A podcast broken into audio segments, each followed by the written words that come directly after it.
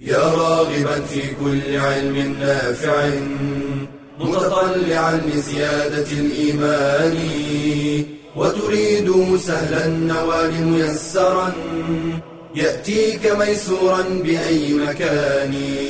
زاد زاد أكاديمية ينبوعها صاف صاف ليروي غلة الظمآن. هذه عقيدتنا الصحيحة فطرة تنفي الشكوك بواضح البرهان. بشرى لنا زاد أكاديمية للعلم كالأزهار في البستان.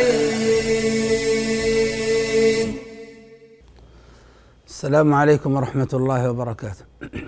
الحمد لله رب العالمين والصلاة والسلام على أشرف المرسلين محمد وعلى آله وصحبه أجمعين. اللهم إنا نسألك علما نافعا عملا صالحا وقلبا خاشعا ولسانا ذاكرا. اللهم علمنا ما ينفعنا وانفعنا بما علمتنا واجعله حجة لنا ولا تجعله حجة علينا يا رب العالمين. اليوم بمشيئة الله سنتحدث عن موضوع التبرك وما يفعل عند القبور. نبدأ نوصل قضية التبرك. التبرك ما معناه؟ التبرك معناه طلب البركة والبركة يعني الخير والنماء والكثرة. فالإنسان مثلا يطلب من الله أن يبارك له في ماله أن يكثره ويطرح فيه الخير فيصبح يعني تصبح المئة كأنها ألف. هذه من البركة يطرح الله عز وجل البركة في في عمره البركة في ماله البركة في ولده البركة. فهذا التبرك هو طلب الخير والبركة والنماء والكثرة. في الأشياء المراد البركة فيها. التبرك يا إخوان على قسمين. تبرك من الله يعني أن تطلب من الله البركة. والتبرك طلب البركة من الله على قسمين. إما طلب البركة من الله بالدعاء مباشرة. يدعو الإنسان اللهم بارك لي في مالي اللهم بارك لي في عمري. الله فطلب البركة من الله لأن الله هو المبارك هو الذي ينمي الشيء. هو الذي يكثره هو الذي يوفق فيه. فهذا عبادة من أجل العبادات والدعاء عبادة. فالدعاء ومن الدعاء الدعاء بالبركة هذا عبادة من أجل العبادات. وهناك طلب طلب للبركة من الله لكن بفعل أسباب الله عز وجل بفعل أسباب. هذه الأسباب تنقسم إلى قسمين. أسباب ثابتة في الشرع. يعني الله عز وجل جعل فيها البركة. فهناك أسباب ثابتة بركتها بالشرع بالكتاب والسنة. من مأكولات أو مشروبات أو أماكن أو أزمنة. فهذه ثبتت سببيتها بالشرع. مثال مأكولات حبة السوداء العسل. هذه يعني ثابتة بركتها بالكتاب والسنة. المشروبات مثلا ماء زمزم آه ثبتت سببيتها بالشرع. الأماكن الحرمين مثلا الصلاة في الحرمين هذه ثابتة أنها أماكن فيها بركة. الأزمنة مثل ليلة القدر مثل العشر الأواخر من رمضان مثل العشر الأوائل من من ذي الحجة. هذه أزمنة مباركة بمعنى أن الله عز وجل يبارك هذا العمل الذي قام الإنسان فيه فيجعل له أجور لسنوات عديدة وطويلة. مثل قيام ليلة القدر جعل الله عز وجل أنها خير من ألف شهر. هذه بركة. وهكذا. فطلب البركة من الله بأسباب ثابتة في الشرع هذه عبادة أيضا من العبادات. وطلب البركة من الله بأسباب ليست ثابتة في الكتاب ولا في السنة. أنها سبب للبركة هنا يدخل الإنسان في الإبتداع ويدخل الإنسان في الأسباب الوهمية التي تحدثنا عنها. وهذه الأسباب منها ما قد يوقع الإنسان في الشرك الأكبر يعني الذبح للموتى والنذر لهم الاستعاذة بهم الاستغاثة بهم. يأتي الإنسان إلى قبر هذا الميت من أماكن بعيدة ويظهر له التعظيم والخضوع والذل ويبكي بين يدي صاحب القبر يبكي بين يديه يشكو إليه ذنوبه يشكو إليه فقره يشكو إليه أنه لم يرزق بولد يشكو إليه حاله ويقول أنا أقصد سبب سبب من أجل أن يشفع لي عند الله هذا شرك أكبر. وهذا فعل الجاهلية ما نعبدهم إلا ليقربونا إلى الله زلفى. هذا ما ما في شك هذا. فهذه الأسباب ينتبه الإنسان إليها. وهناك أسباب يعني هي بدعة ولكنها لا تصل للشرك الأكبر إنما هي شرك أصغر وهو أن يأتي الإنسان إلى قبر إلى القبر ثم يدعو الله هناك. لكن يظن أن هذه بقعة مباركة مثل المسجد الحرام مثل المسجد النبوي. يظن تلك بقعة مباركة لو صلى هناك. قبل الله صلاته قبل الله دعاءه بارك الله له في في في ذلك الأمر وكان له أجر عظيم. هذه من الأسباب البدعية التي توقع في الشرك الأكبر وهي شرك أصغر. وهناك تبرك لكن يكون من غير الله. يطلب البركة من غير الله لا لكونه يظن أنها سبب لا يظن أنها تبارك الأشياء بذاتها. هذا شرك اكبر فالبركة لا تكون إلا من الله سبحانه وتعالى. مما ورد في السنة حديث أبي واقد الليثي قال خرجنا مع رسول الله صلى الله عليه وسلم إلى حنين ونحن حدثاء عهد بكفر وللمشركين سدرة يعكفون عندها وينوطون بها أسلحتهم. لماذا ينوطون يعلقون؟ لماذا يعلق المشركون أسلحتهم بتلك السدرة؟ يظنون أن السدرة تبارك أسلحتهم بذاتها. فإذا ضرب الإنسان بها بعد ذلك قطعت وقتلت ونحو ذلك. وكانت تلك السدرة تسمى ذات أنواط. فيقول الصحابي فمررنا بسدرة. يعني ذات أنواط مثل تلك. فقلنا يا رسول الله اجعل لنا ذات أنواط كما لهم ذات أنواط. فقال رسول الله صلى الله عليه وسلم الله أكبر. إنها السنن. قلتم والذي نفسي بيده كما قالت بنو إسرائيل لموسى اجعل لنا إلها كما لهم آلهة. قال إنكم قوم تجهلون. لتركبن سنن من كان قبلكم. أه موسى وقومه بعد أن نجاهم الله سبحانه وتعالى. نجاهم الله وكانت آية عظيمة في نجاتهم. انفلق البحر فلقتين وخرج آخر واحد منهم وتكامل دخول آخر واحد من جيش فرعون. ثم أطبق الله عليهم البحر فأهلكهم هؤلاء نجوا. ينجون فيقولون يعني اجعل لنا يعني طلبوا أن يكون لهم إله طلبوا أن يكون لهم عجل طلبوا كذا. فطلبوا أن يكون لهم إله كما يعني لأولئك أناس لهم آلهة. فتذكر النبي صلى الله عليه وسلم هؤلاء عندما الآن يعني فتحت مكة ومتوجهين إلى حنين ثم يقول اجعل لنا ذات أنواط كما لهم ذات أنواط. وأولئك قالوا اجعل لنا إلها كما لهم آلهة. قال إنكم قوم تجهلون. قال النبي صلى الله عليه وسلم الله أكبر إنها السنن. يعني أنتم ستتبعون من سنن من كان قبلكم من اليهود والنصارى فتقعون في الشرك كما وقعوا أولئك في الشرك. فالنبي صلى الله عليه وسلم حذر من هذا الأمر وبين أن هذا التبرك طلب البركة من أشياء لم تثبت أنها من الشرع أن هذا الأمر من الشرك بالله سبحانه وتعالى. وقلنا أنه يتراوح بين الشرك الأكبر والشرك الأصغر. إذا اعتقد أنها تبارك بذاتها هذا شرك أكبر. إذا اعتقد أنها سبب فهذا شرك أصغر. فيحذر الإنسان من ذلك كل الحذر. ناخذ فاصل ثم نعود إليكم بمشيئة الله.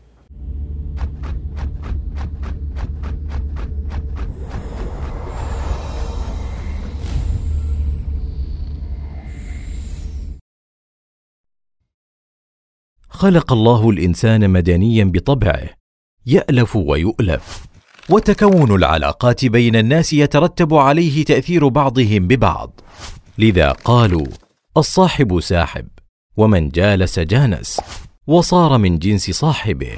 وقديما قال الشاعر عن المرء لا تسأل وسل عن قرينه فكل قرين بالمقارن يقتدي. وكثيرا ما يدور في أذهان المربين المخلصين. مجموعة من الأسئلة المتعلقة بأصدقاء الولد. مع من يمشي يا ترى؟ من هو صاحبه؟ من هو جليسه؟ ماذا يفعلون الآن؟ في أي شيء يشتركون؟ فقد ينشأ الولد بارا طائعا حسن الخلق فينقلب على إثر الصحبة والعلاقات عاقا عاصيا.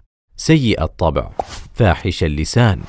لذا كان لزاما على المربي أن يتفحص علاقات أبنائه وبناته والا يغفل عنها بحال وأن يؤسس في نفوس أولاده معنى العلاقة وعلى أي أساس تقوم وكيف يختارون أصدقاءهم. فليست القضية مجرد إلف وصحبة وإنما قضية دين وإيمان. عليها تنعقد المصائر يوم القيامة. فكل العلاقات والصداقات والزمالات الناشئة في الدنيا ستنقلب عداوة في الآخرة إلا ما كان منها مبنيا على تقوى من الله ورضوان. قال تعالى الاخلاء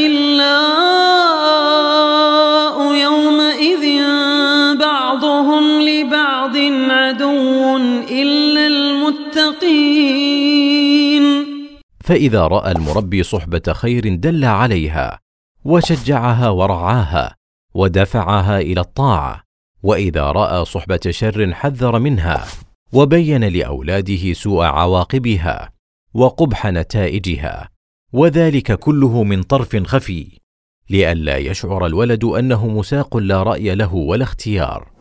فإذا لاحظ المربي اتجاه الأبناء والبنات نحو تكوين الصداقات عبر وسائل التواصل الحديثة فمن الحسن توجيه هذه العلاقات للدعوة إلى الله.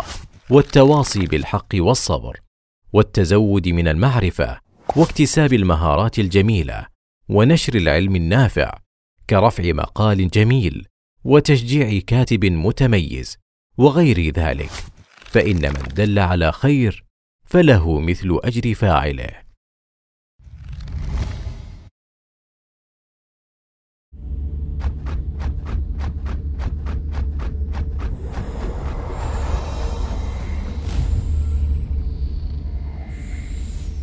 حياكم الله أيها الأحبة في الله.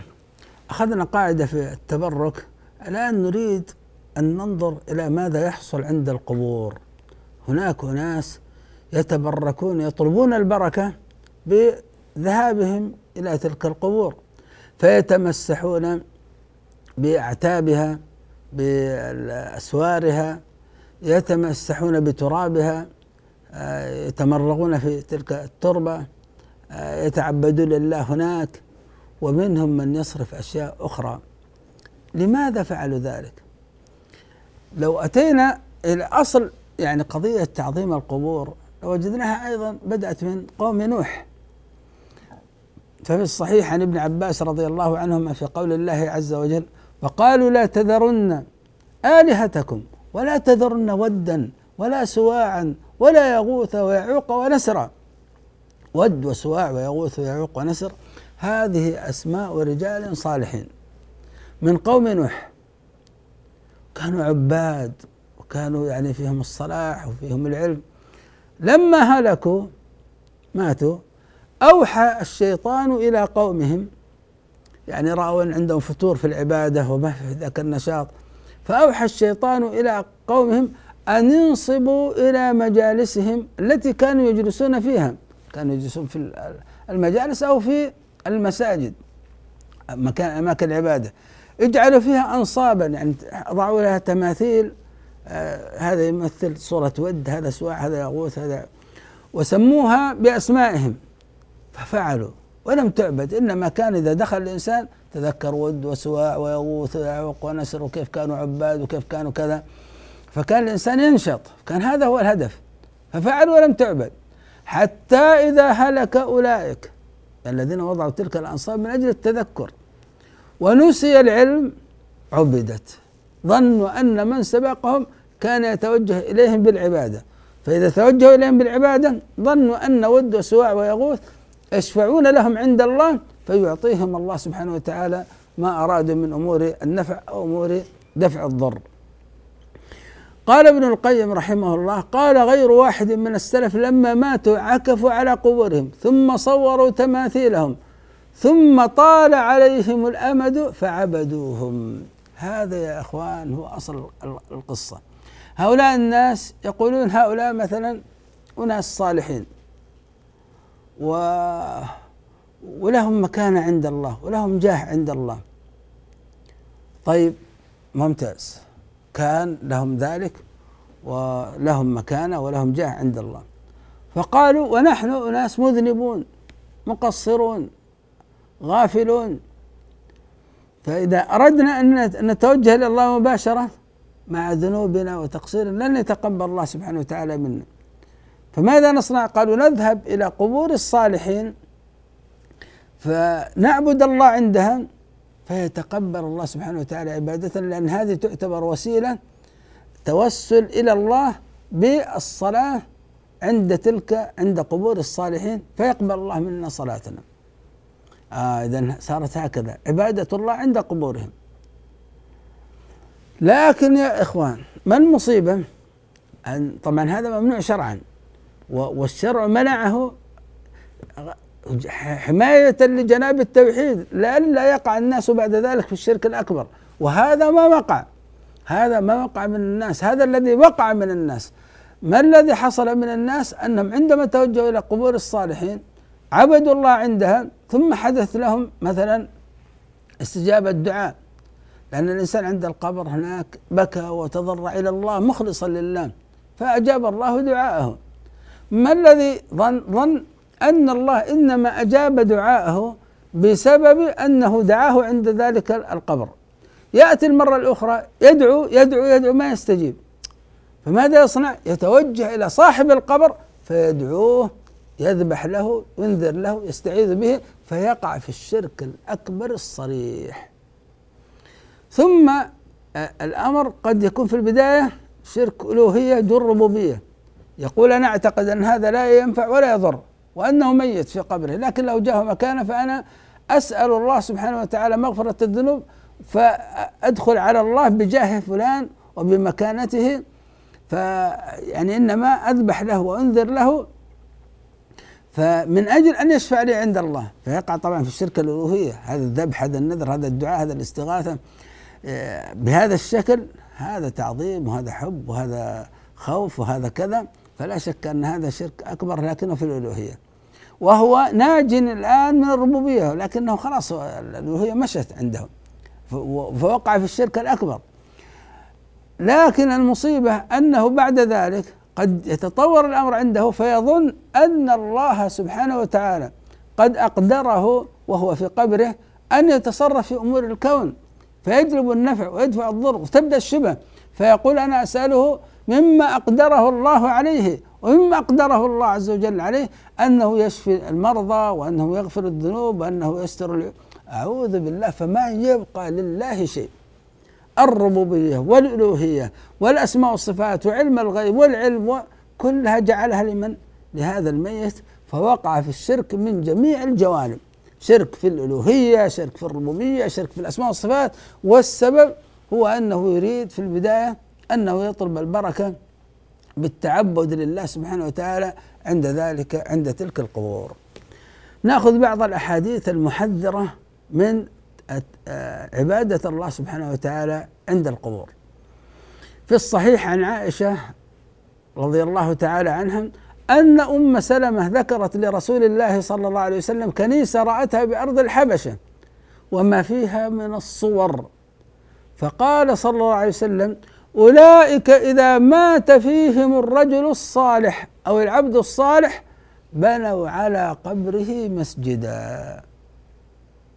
وصوروا فيه تلك الصور. أولئك شرار الخلق عند الله. أولئك شرار الخلق عند الله. جمعوا بين فتنتين فتنة القبور وفتنة التصاوير فتنة التماثيل. ماذا صنعوا؟ وضعوا تمثال لذلك. ثم أين قبره؟ أين المسجد؟ على القبر. فصار عندهم إشكالية الآن. يعبدون الله عند القبور وأيضا هذه التماثيل موجودة فيتوجهون لتلك التماثيل بالعبادة. فوقعوا في هذه الفتنتين. أيضا في الصحيحين عن عائشة رضي الله عنها قالت لما نزل برسول الله صلى الله عليه وسلم يعني الموت طفق أو طفق يطرح خميصة له على وجهه فإذا غم بها كشفها. فقال وهو كذلك يعني في سياق الموت انظروا. قال لعنة الله على اليهود والنصارى. لعنة الله على اليهود والنصارى. اتخذوا قبور أنبيائهم مساجد. يحذر ما صنعوا. تقول عائشة ولولا ذلك أبرز قبره غير أنه خشي خشي أن يتخذ مسجدا. يعني وهو في سياق الموت يلعن صلى الله عليه وسلم من يتخذ القبور مساجد. ومن اتخاذ القبور مساجد ليس بشرط أن يبني عليها مسجد أن يذهب للقبور من أجل الصلاة عندها. هذا من اتخاذ القبور مساجد. ولمسلم عن جندب بن عبد الله قال سمعت النبي صلى الله عليه وسلم قبل أن يموت بخمس وهو يقول إني أبرأ إلى الله أن يكون لي منكم خليل. فإن الله قد اتخذني خليلا كما اتخذ إبراهيم خليلا. ولو كنت متخذا من أمتي خليلا لاتخذت أبا بكر خليلا. ألا وإن من كان قبلكم هنا الشاهد كانوا يتخذون قبور أنبيائهم مساجد. ألا فلا تتخذوا القبور مساجد فإني أنهاكم عن ذلك. قد يقول شخص يعني ما يمكن يعني الناس الآن بهذه الثقافة وبهذا العلم يتبركون. والله يتبركون بالتراب بالأشجار بالأحجار يذهبون يدعون الموتى آه ما من يفعل هذا؟ فإذا الإنسان تأمل في الواقع ستكون المفاجأة. المفاجأة أن كثيرا في العالم الإسلامي كثير من الناس للأسف الشديد فتنوا بتلك القبور. بل بعض القبور يحج لها آلاف يحج لها آلاف يبكون ويتضرعون ويذهبون. ورأيت بعيني أناس يسجدون عند أشجار. قلت هؤلاء رافضة يسجدون ويسجدون للشجر لكن تفاجأت أن هناك ناس ليسوا رافضة وأنهم يأتون للمقابر ويسجدون لأصحابها يسجدون سجودا هكذا يضعون جبههم على الأرض. ويتمسحون بتلك المقابر والتراب يعني يمرغون أنفسهم في تلك التربة وهكذا من أجل ماذا؟ من أجل البركة. أيها الأحبة في الله أختم الغلو في القبور على ثلاث مراتب. غلو يوقع الإنسان في شرك الربوبية وغلو يوقع الإنسان في شرك الالوهيه وغلو يوقع الإنسان في شرك الأسماء والصفات. سنفصل في هذا بعد الفاصل بمشيئة الله.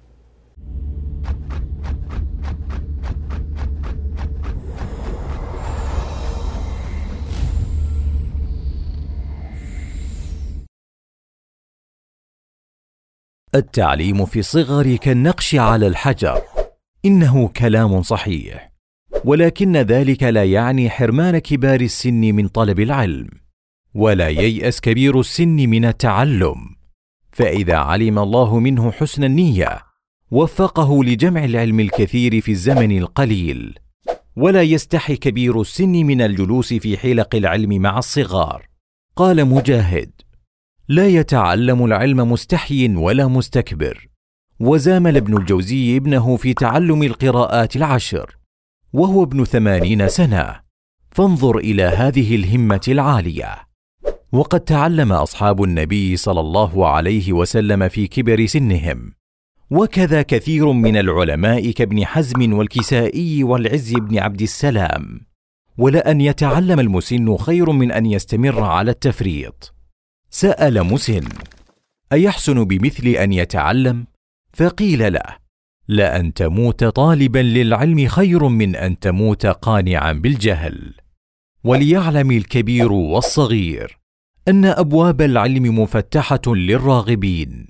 قال تعالى والذين جاهدوا فينا لنهدينهم سبلنا وإن الله لمع المحسنين.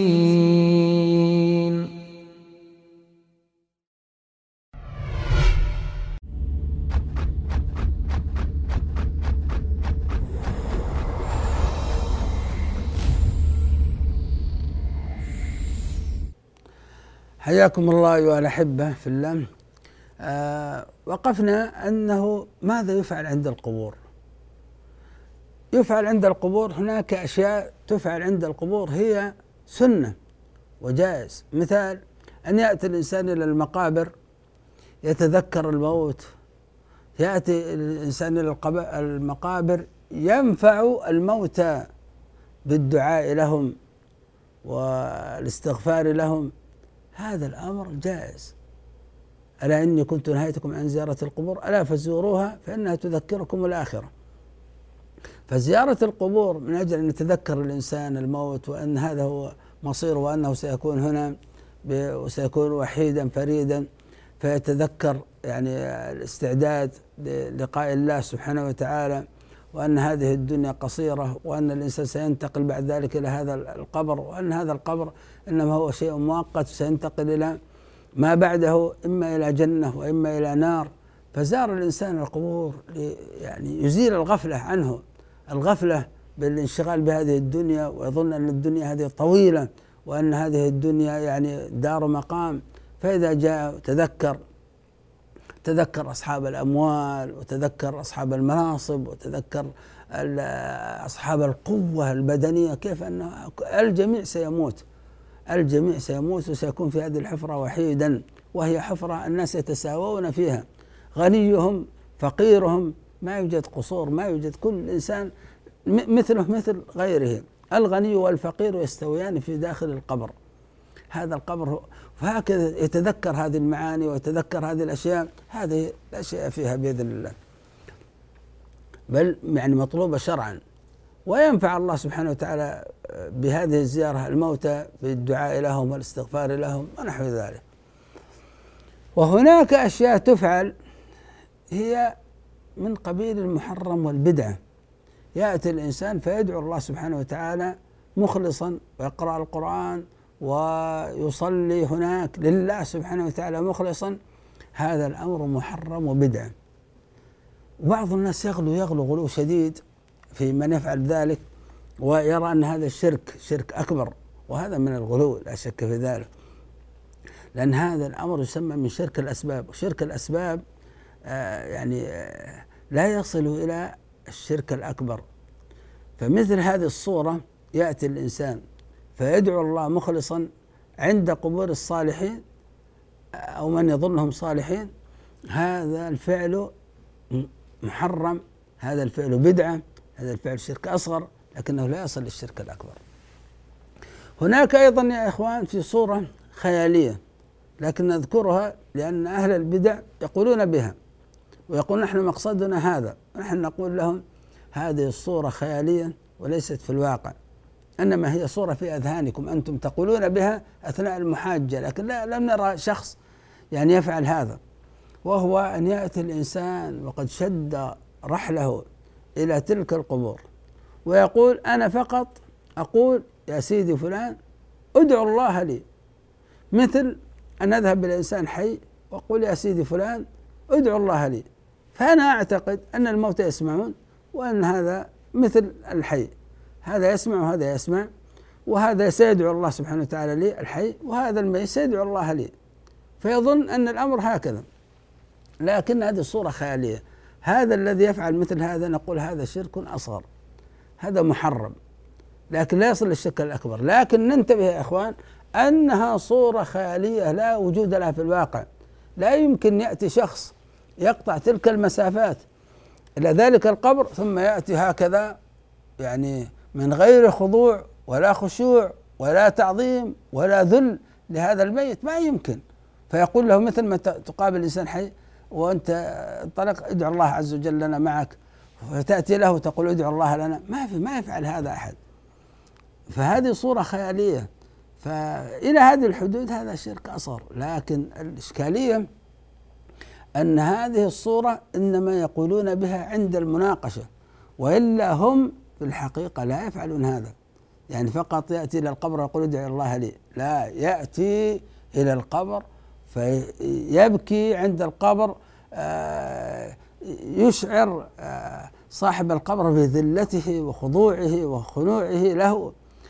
ثم يأتي أيضا عبادات صريحة. يذبح هناك ينذر هناك يستعيذ بصاحب القبر يستغيث به. هذا كله شرك أكبر.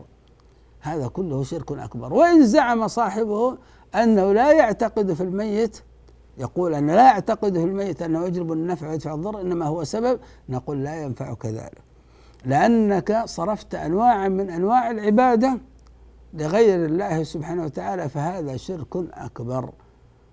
قد يعني من باب المجادلة يسامح أنه لم تقع في الشرك في الشرك الربوبية لكنك وقعت في الشرك الألوهية وهذا شرك أكبر مخرج من الملة. يزداد الأمر عند بعضهم حتى مثل ما تقدم في آه، قبل الفاصل. يزداد الأمر فيظن أن هذا الإنسان أيضا له أشياء في الربوبية. حتى قال بعضهم أنه يعتقد أن النبي صلى الله عليه وسلم يخلق النطفة في رحم المرأة. وصل به الأمر. ماذا أبقى لله سبحانه وتعالى؟ ماذا أبقى لله؟ ويقول أنتم تعظمون الملوك أكثر من تعظيمكم لله. قلنا كيف ذلك؟ قال إذا جاء الإنسان للملك فإنه يأخذ معه واسطة وشفيع يشفع له عند الملك. وإذا جاء إلى الله سبحانه وتعالى جاءه مجردا هكذا ولا يأتي للشفعاء. نقول استغفر الله استغفر الله من هذا القياس الفاسد. كيف تقيس الله سبحانه وتعالى على ملوك الدنيا؟ هل ملوك الدنيا يعلمون كل الناس؟ يعلمون حالتهم؟ يعلم الصادق من الكاذب؟ ملوك الدنيا أيضا بحاجة لهؤلاء الوزراء وهؤلاء الشفعاء. هو هم أعوان له وهو يحتاجهم وهم يضغطون عليه بسبب أنه يحتاجهم. فيأتون فيشفعون. لو رفض مرة مرتين لغضبوا منه وتركوا يعني مساعدته. هل الله سبحانه وتعالى هكذا له أعوان وزراء والصالحين له؟ استغفر الله هذا كلام عجيب. هذا قياس غريب. كيف يقيس الإنسان هذا القياس؟ شيء عجيب. وهل هذا الملك يعلم أحوال الناس؟ لا فلا بد أن يأتي شخص وقال تشفع تؤجر هذه الشفاعة وهذا البيان أنت تأتي تعرف بهذا الإنسان المجهول. أما الله سبحانه وتعالى لا. كلما أتيت لله عز وجل مفتقرا ذليلا تشعر أنك ليس لك جاه ولا مكانة ولا كذا وأنك مذنب وأنك مقصر وأنك مضطر وأنك محتاج. كلما دخلت على الله سبحانه وتعالى بهذه المثابة كلما أجاب الله سبحانه وتعالى دعاء. كما يجيب المضطر إذا دعاه ويكشف السوء ويجعلكم خلفاء الأرض؟ الإنسان يجب عليه أن يفكر هذا الأمر غير صحيح. وهذه شبهة عجيبة واستغرب كل الاستغراب ممن تمشي عليه مثل هذه الشبه فهؤلاء أهل الباطل الذين يصرفون الناس عن التوحيد إلى الشرك والوثنية يأتون بشبهات صاحب التوحيد الحقيقي الذي يعلم أن الله سبحانه وتعالى هو المعبود وحده. لا يمكن أن يتوجه بشيء من تلك العبادات لهؤلاء. يحذر الإنسان مما يحصل عند القبور ويطلب من الله وحده البركة ويبحث عن الأسباب الشرعية التي ثبتت سببيتها في الكتاب والسنة ويعمل بها. أما طلب البركة بمثل هذه الأمور بالتوجه إلى أشياء لم تثبت سببيتها لا في الكتاب ولا في السنة يبتعد الإنسان ويحذر عن ذلك كل الحذر. ننتقل أيضا إلى مسألة أخرى آه، نشير إليها إشارة وسنكملها بمشيئة الله في حلقة قادمة. آه، أيضا من تلك الأسباب ما يتعلق بالجن. والجن يا إخوان عالم غيبي سمي يعني بأنه جن لأنه مستتر. مجتنون عنا يعني مستترون عنا. وهم عالم آخر خلقهم الله سبحانه وتعالى لعبادته. آه وهذا العالم مثل عالم الملائكة وهناك عالم الإنسان فهناك عالم اسمه عالم الجن. هذا العالم علمنا الشرع ما هي الأشياء التي هي حدود العلاقة التي تكون بيننا وبينهم. يعني في قضية الأكل في قضية يعني الإنسان إذا أراد أن يسكب ماء في مكان غير مكان السكب يسمي الله سبحانه وتعالى. علمنا الشرع آداب معينة نستخدمها من أجل أن نتقي أن نضر بحول الجن فيضرون بنا. هذه الحدود حدود العلاقة مع الجن. هذا جعلته تمهيد بمشيئة الله. في الحلقة القادمة نتحدث عن العلاقة التي تكون بيننا وبين الجن وكيف يدخل الشرك في الألوهية في التعامل مع هؤلاء الجن. أسأل الله سبحانه وتعالى بأسمائه الحسنى وصفاته العلى التوفيق لي ولكم.